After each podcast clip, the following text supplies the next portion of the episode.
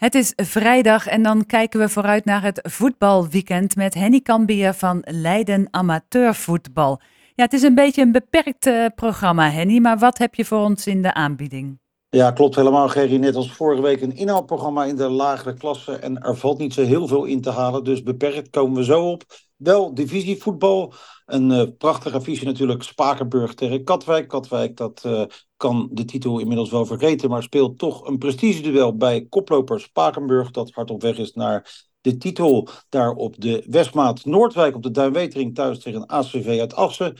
Uh, ADO 20 uit Heemskerk speelt tegen Rijnsburgse Boys. Belangrijk voor de uien om weg te komen aan de onderkant. Quick Boys, dat vorige week Katwijk klopte tegen AFC Amsterdam op Nieuw-Zuid. Ook een leuke wedstrijd. En Jong Sparta tegen Lisse, dat zich moet rehabiliteren eh, van de wedstrijd van vorige week tegen Almere. Jong Almere, waar het met 6-1 van verloor. Dan de derde divisie. Daar speelt RKAV Volendam. Dat is een titelkandidaat thuis tegen uh, eh, FC Rijnvogels, dat de laatste weken weer beter draait. VVSB tegen Urk, ook in die derde divisie. En dan nog één divisie lager. ARC Terlede, een derby. Ploegen die uh, er nog lang niet zijn en de punten keihard nodig hebben. Ook een uh, leuke affiche wel. SJC speelt op zondag tegen Hollandia. En Alphen Boys gaat op bezoek in Amsterdam bij Swift. Dat voor wat betreft het divisievoetbal. Dan gaan we door naar de eerste tot en met de vijfde klasse op zaterdag. Uh, waar wordt er wel gespeeld, Henny? Nou, dat is echt kruimeltjeswerk. Uh, het EMM 21 komt in de tweede klasse uit tegen Donk.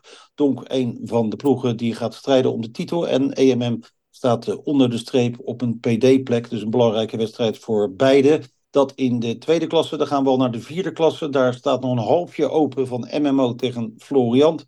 MMO nog altijd op zoek naar de eerste overwinning van het seizoen. Heeft pas twee punten en staat in die wedstrijd met 0-1 achter. Maar heeft nog een helft om het goed te maken. En eh, SJC, de nummer 2, dat speelt de inhouwwedstrijd tegen DVC.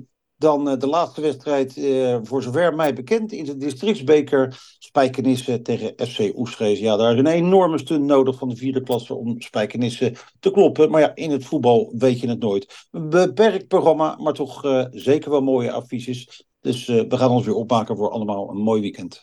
Dankjewel, Henny Kambier van Leiden Amateurvoetbal.